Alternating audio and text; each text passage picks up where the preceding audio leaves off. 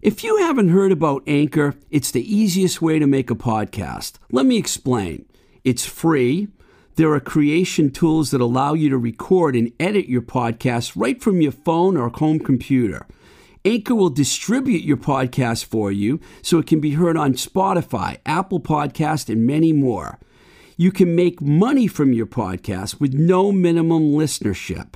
It's everything you need to make a podcast in one place. Download the free Anchor app or go to anchor.fm to get started.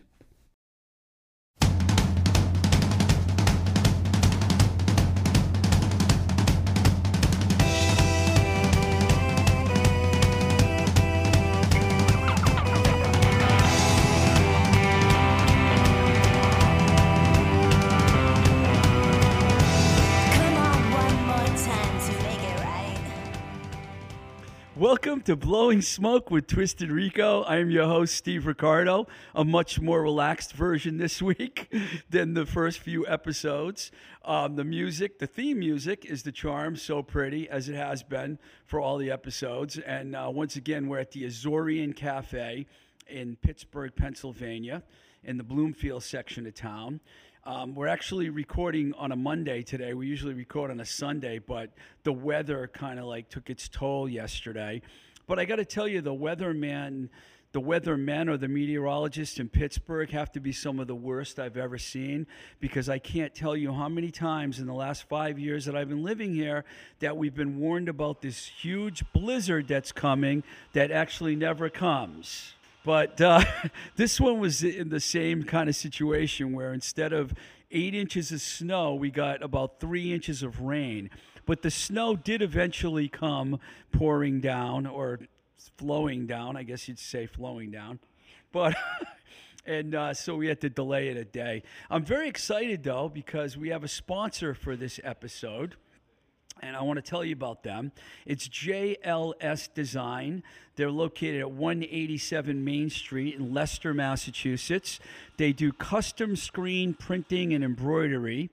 And uh, they are going to be nice enough to make us some blowing smoke with Twisted Rico t shirts. I'll have to get your size G so we get you at least a few so you can impress the ladies. Um, uh, they're, they're, you can reach them at jlsdesignprinting.com and their email is jlsdesignsales at gmail.com.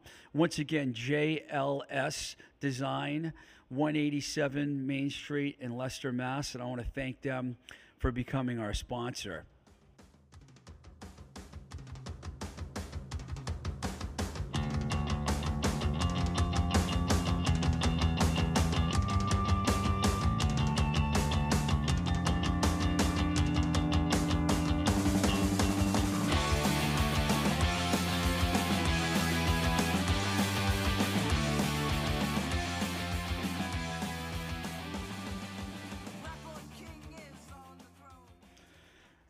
Clip right there um, that we just heard was the Homicides doing their song ATA, Anti Trump Army.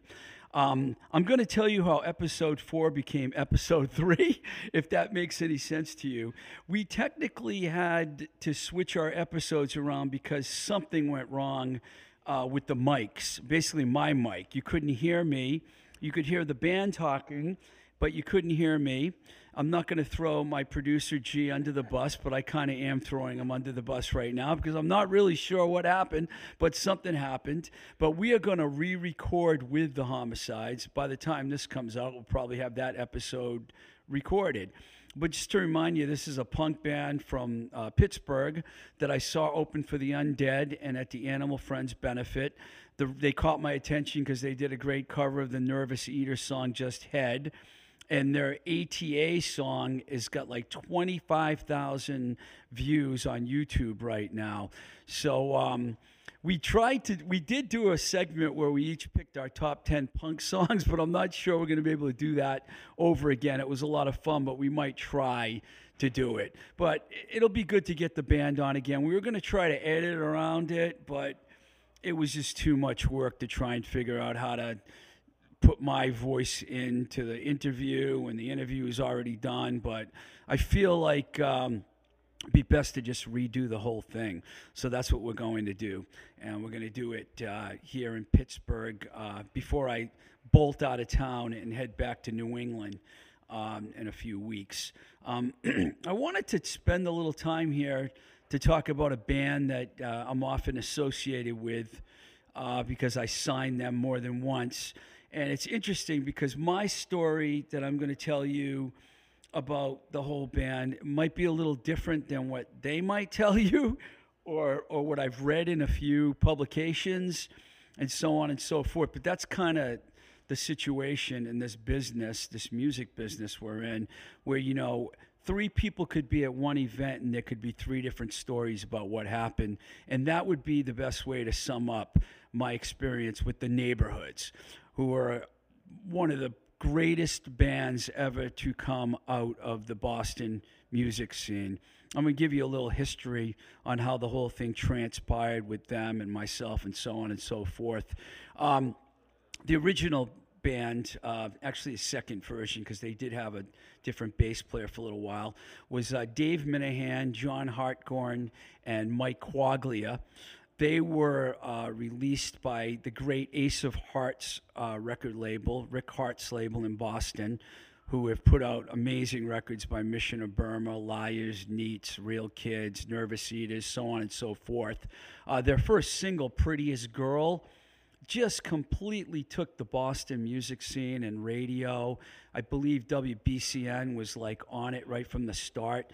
Uh, it sold over 10,000 copies. It, it just set up set the pace for this the band, and this was like in the late 70s. Um, I hadn't seen them until I saw them at this college convention on the Cape. And I'm sure that Dave Minehan would, is not going to be happy that I'm even bringing this up. But you know what? He, he knows it's an up and down thing in the music business. Well, they had a horrible show and were practically booed off the stage. Personally, I think Dave might have been on something at that show, but I can't say for sure. Hopefully, in the future, I can get Dave on. We could talk about this. That was the first time I saw them, and despite the fact that people weren't re- they weren't recept- receptive to the band that day because Dave was just on some strange trip, I still dug them, and I actually went and saw them another time, and they blew me away. Um, a lot happened from 1979, 1980 till the point where I actually signed them to Restless Records, which was a branch of Enigma Records in California. They had released another album. Uh, it was an EP actually. They they toured a lot. They changed their members a lot. Lee Harrington came on board uh, to take over for John Hartcorn on bass. And by the time I, I got to Enigma and I had them on my list of bands to sign. They kind of had come back, so to speak. And when we released the High Hard one uh, in 1985, the band was, you know, back out there touring again and doing doing their thing better than ever because now they were going to other cities. In fact, one of the best shows I ever saw them play, and I've seen this band dozens and dozens of times was at the Club Lingerie in Hollywood. It wasn't a huge crowd, but they blew everyone in the room away. If I'm not mistaken, uh, Paul Westerberg was at the show that night, which is kind of ironic since he ended up, Dave Minehan ended up playing with Westerberg years later. Um, the, one of the tracks on the High Hard one, which I think is probably the best track on that album, Arrogance, also appeared on the Restless Variations compilation. Um, after that record came out, about a year later, I had moved. I was I'd moved on. I'd gone to New York to work for Roadrunner Records, and while I was at Roadrunner, they decided they wanted to start a pop label, and so we started the Emergo Records label and um, I wanted to sign the neighborhoods again for a second time because I felt we had some unfinished business. Well, my friends at Restless Records, Scott and Julie and Eileen, they wanted to keep the band, and I wanted to sign the band. So we had a little bidding war for the band. Uh, I think because I had a closer relationship with them at the time, especially Mike Quaglia, who was the drummer, and he did all the business with the band they ended up coming over to Emergo. And that's when they began working on the Reptile Men record. And um, this is where everything became really controversial with the band. First of all, they were asked to sign an addendum to their original contract, which their attorney looked over, and I was told to bring it to a show. And after the show at TT the Bears in Cambridge, I gave the band this agreement. My boss said, please bring it back. It was the only chance I could get them to sign it. Their attorney, who I won't mention his name, was in the room at the time. He acknowledged everything that was happening and they signed the deal. Well, it turned out that they signed a large portion of their publishing away. It was a learning experience for me, a learning experience for the band, and a learning experience for any band because you, you got to be able to trust your lawyer and you got to be careful what you sign. And this didn't end up becoming a problem until a little later, and I'll get into that. Um, the band also wanted to do a double, a gatefold album, uh, gatefold package, and Cees Wessels, the owner of Roadrunner, told me, no, no, no, it's going to be thousands of extra dollars. We can't do it. And we ended up fighting about this for about a month. And then I did something that was, you know, kind of stupid, some people would say, but I have no regrets over it. I put the record into production with the Gatefold record because I knew that's what the band wanted. And of course, it resulted in me getting fired from the label. Not immediately. I was allowed to hang around for a month. I was given a point on the record. I was in Boston at the channel when the Reptile Men uh, album release show happened, and Cheap Trick showed up and got on stage with the band Rick Nielsen, Tom Petersson, uh, and Robin Zander, which was unbelievable. Um, but I was out the door and I was gone, but the band was still there. They ended up opening for David Bowie at Foxborough Stadium. And then after that, things kind of, well, they, they did make another record with Roadrunner Murgo called Hoodwinked, which a lot of people think is their best record, and I'm not going to disagree with that. I actually agree that it was their best record. Brad Whitford from Aerosmith produ- produced it, and uh, they switched drummers and management. David Robertson, who I have a tremendous amount of respect for, he worked for Aerosmith for a long time, became their manager, and Carl Coletti eventually came on board as the drummer. And um, by the time they made it to Third Stone Music, which I'm going to get into next, the guy by the name of Dan Battelle actually was playing second guitar for a little while, but I don't think that worked out. Um, well, you might have figured out the next part of the story is the band actually came to me again, and I signed them for a third time. Okay, so I basically signed the neighborhoods three times to three different record deals. That's how much I loved this band and I believed in their music. The Third Stone deal involved uh, Atlantic Records being their distributor. And unfortunately, we got in a little dispute and I lost. The band and David and their lawyer, who was now Frank Simler, all wanted to re release the Hoodwinked record and re record versions of Prettiest Girl and Pure and Easy. And I believe their reason for that was the, the money that they got, which was a substantial advance, they wanted to use to buy their way out of their publishing deal with Roadrunner and Murgo. And I believe that's what they did. So I can see their perspective, but my perspective was let's make a new record with new songs. But I think now, when I look back at it, I don't think they had the songs at that time to record a full new album. I hadn't heard a lot of demos. I heard some, but not a lot. And uh, that was that. Well, the deal with Atlantic Records was a little weird too because they promised us, the band, if they got a good national tour, they would do tour support and fully get behind it. Well, they did an amazing job and they landed the Tin Machine tour, which was David Bowie's project, side project at the time. And unfortunately, Atlantic didn't come through on their end of the deal. And it ended up being a disaster. The record didn't sell a lot. And I got in a huge fight and ended up quitting Third Stone. Technically, two jobs that I left were, you know, not directly because of the neighborhoods, but were because of the neighborhoods, which I don't have any problem with because I believed in that band and I would fight for them every time. I think my immaturity at the time could have. I was a lot young. I was very young when some of this stuff happened, still in my 20s. So it was kind of a lot for me to deal with at the time. And uh, I quit. but one good thing that did happen was that Jim Faraci, who was a friend of mine, he had worked on Poison's first record. He worked with LA Guns.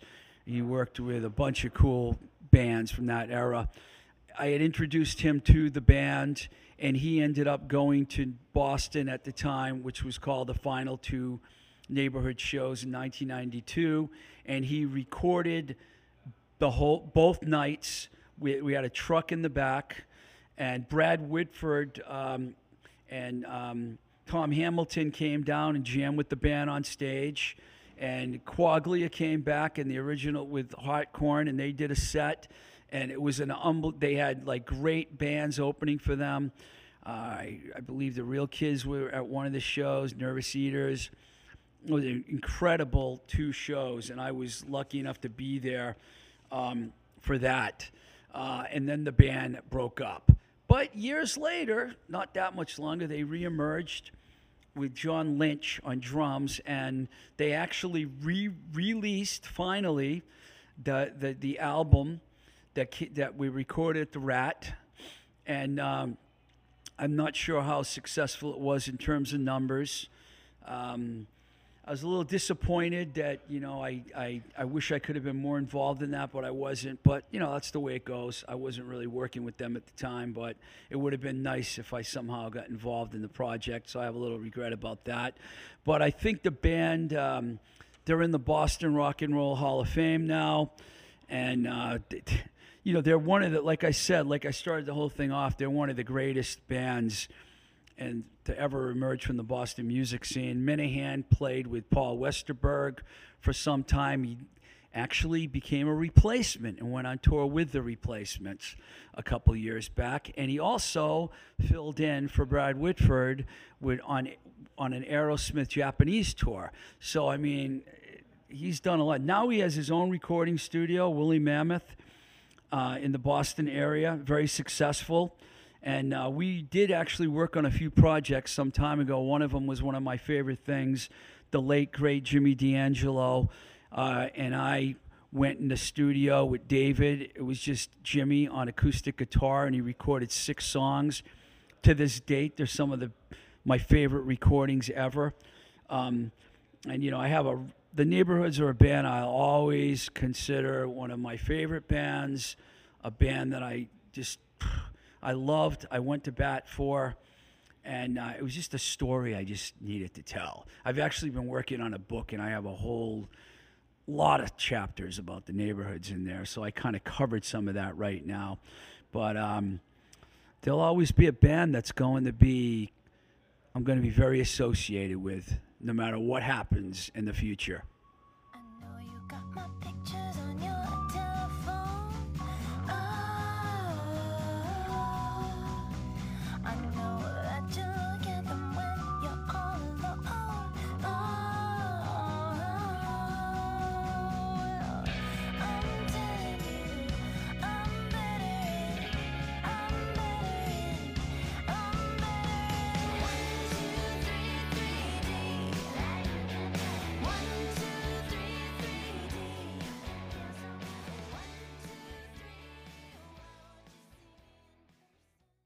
And that was a new track. Well, not really a new track. It came out a few years ago, but the band's called Jetto Stars.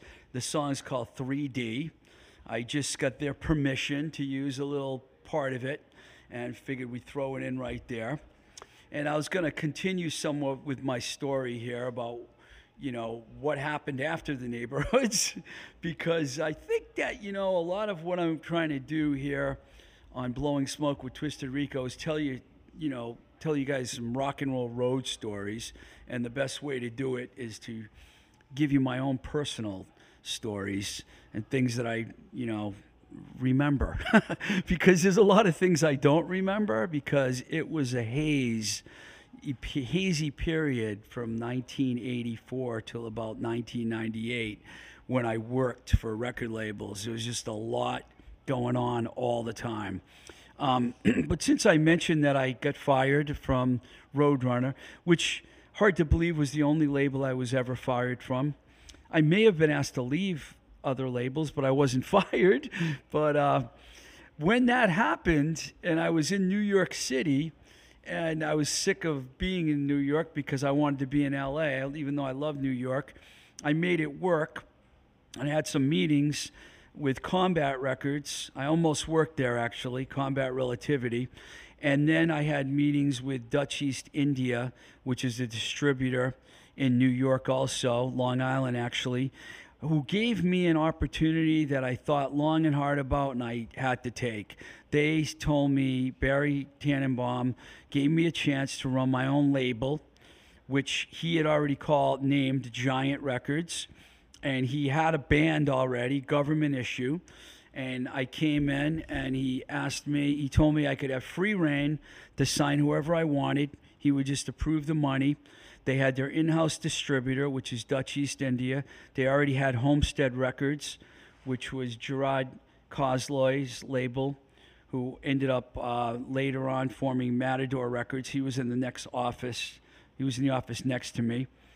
We never had a very good relationship, but that's a whole other story.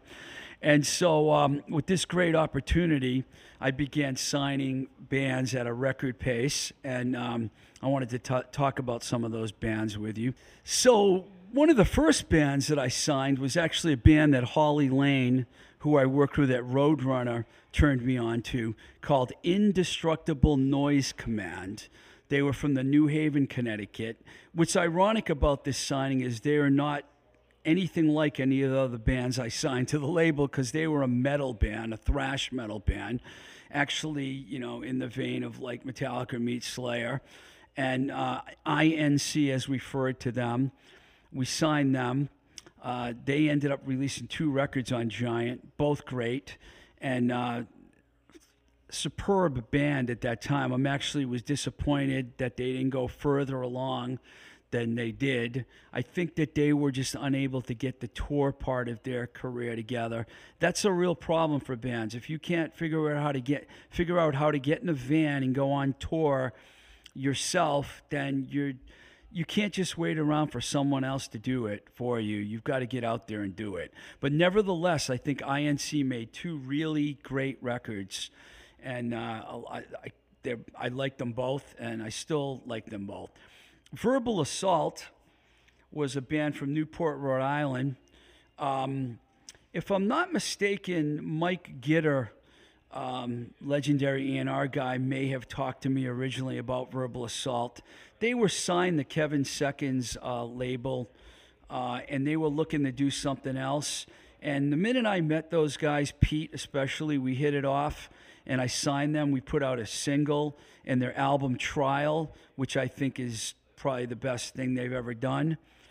Um, Dag Nasty, um, talked about them before here on Blowing Smoke, and um, they had two records on uh, Dischord Records.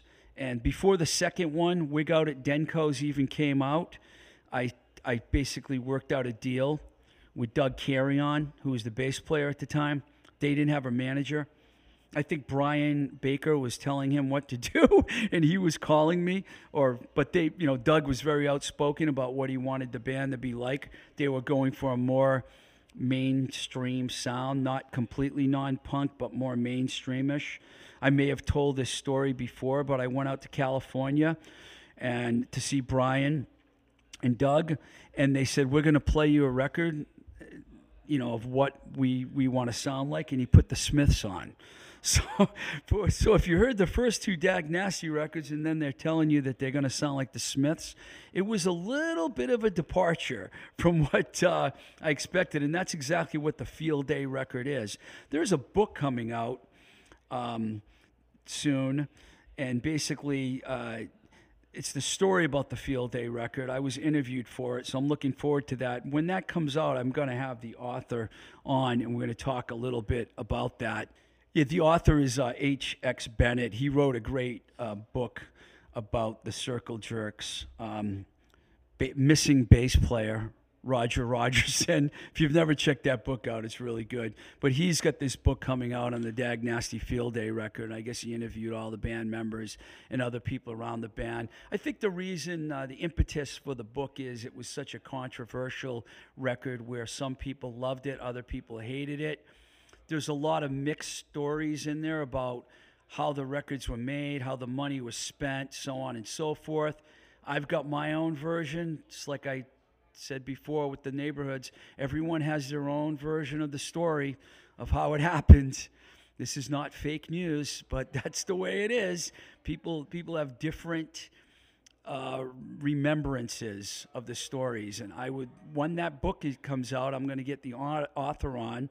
We're going to talk about it, and um, you know we can get into the details on that later. Uh, another great band that we signed to Giant Records was Uniform Choice, who had already established themselves as one of the premier straight edge bands out of the Orange County, California scene.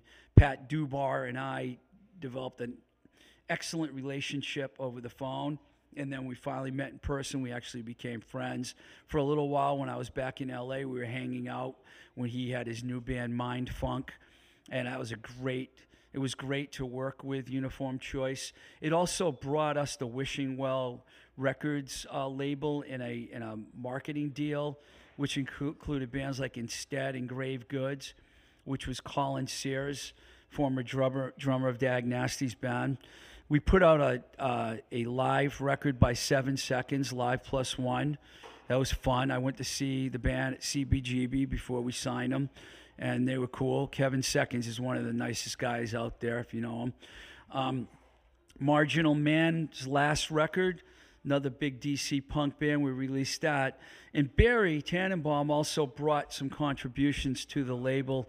Uh, he did a deal with the Le Crepuscule Belgian label, which brought us the Salvation soundtrack, which had a New Order track on it, and a Domino solo record, a Cab- Cabaret Voltaire record, a record by a New York uh, dance guy called The Hood. And um, people I worked with there, uh, Debbie Southwood Smith, who I knew I'd heard of, but we didn't know each other. We she came in and we worked together. She ended up sticking around and doing other things uh, with the label when they changed her name.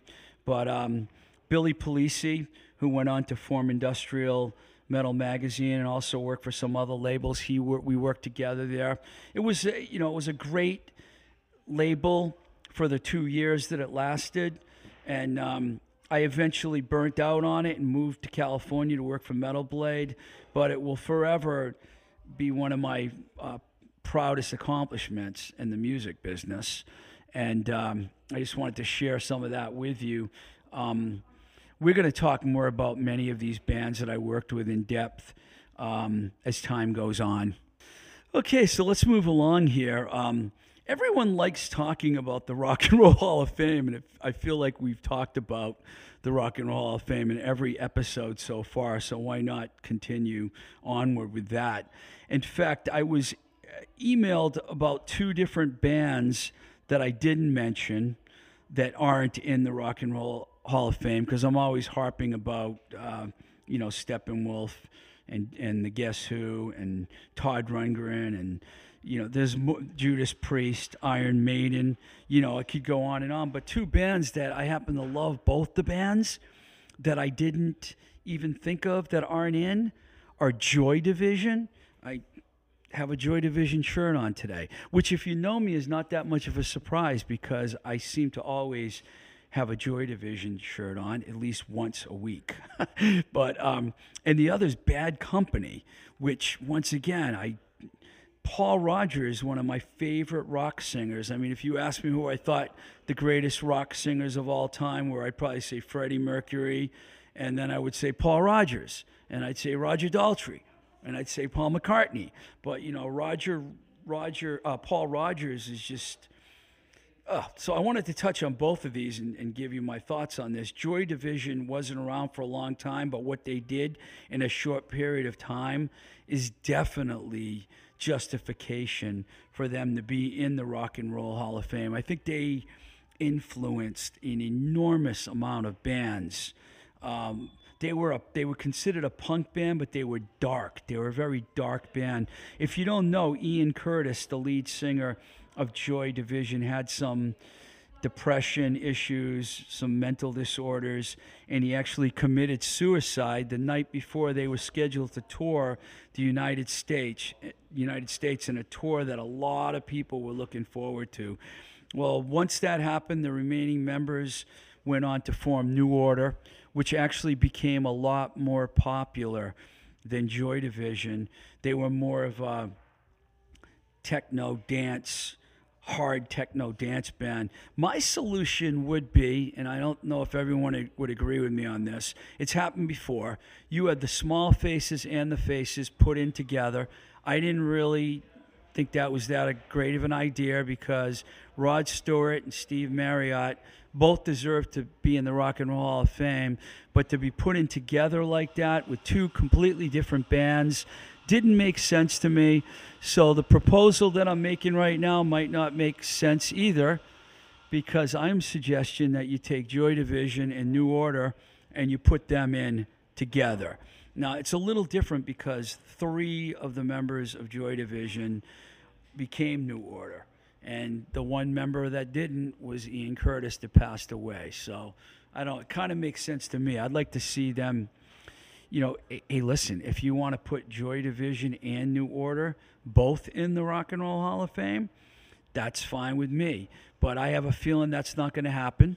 So I'm, you know, my suggestion is put them both in together. Not that you know the people at the Rock and Roll Hall of Fame are even listening to what I have to say right now, but I'm here to offer my opinion.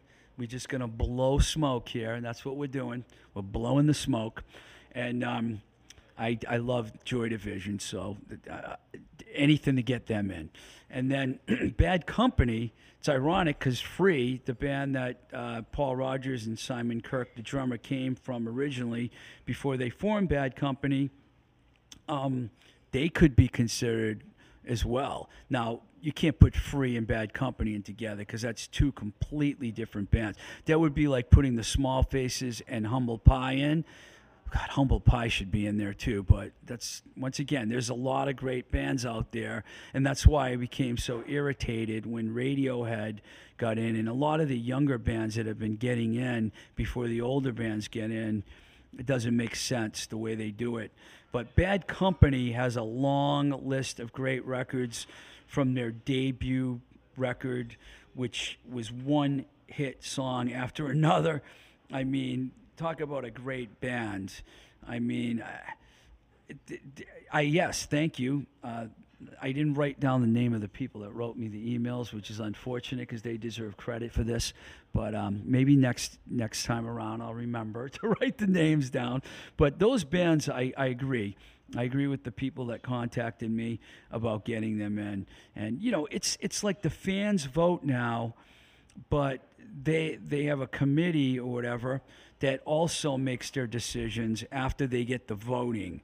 So I don't I don't I don't really know. I mean, I'd love to be able to talk to someone there and find out what their criteria is, but um, until that point, we're just gonna like you know we're gonna be trying to figure out what's going on in their heads.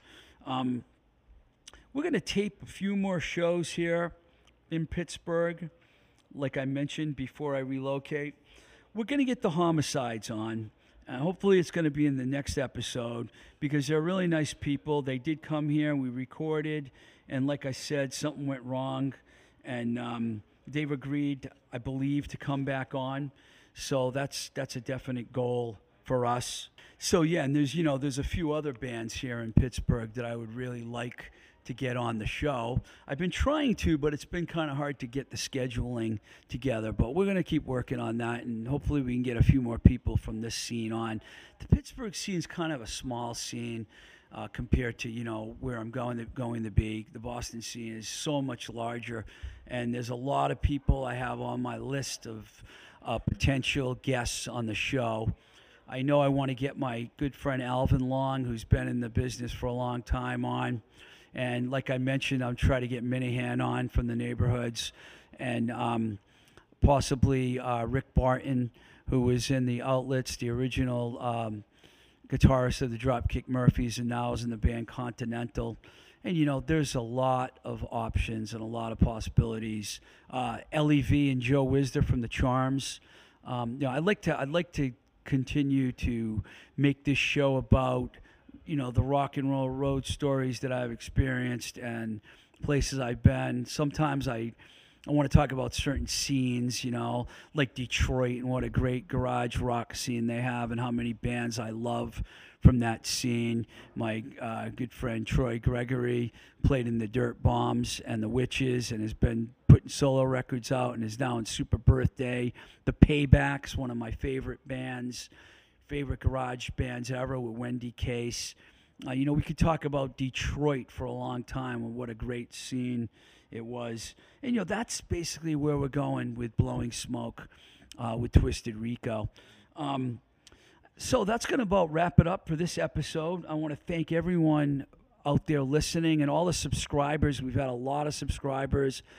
Get the word out there, tell people about us. And I want to mention one more time before I go our sponsor that we had for episode four here. It's JLS Design.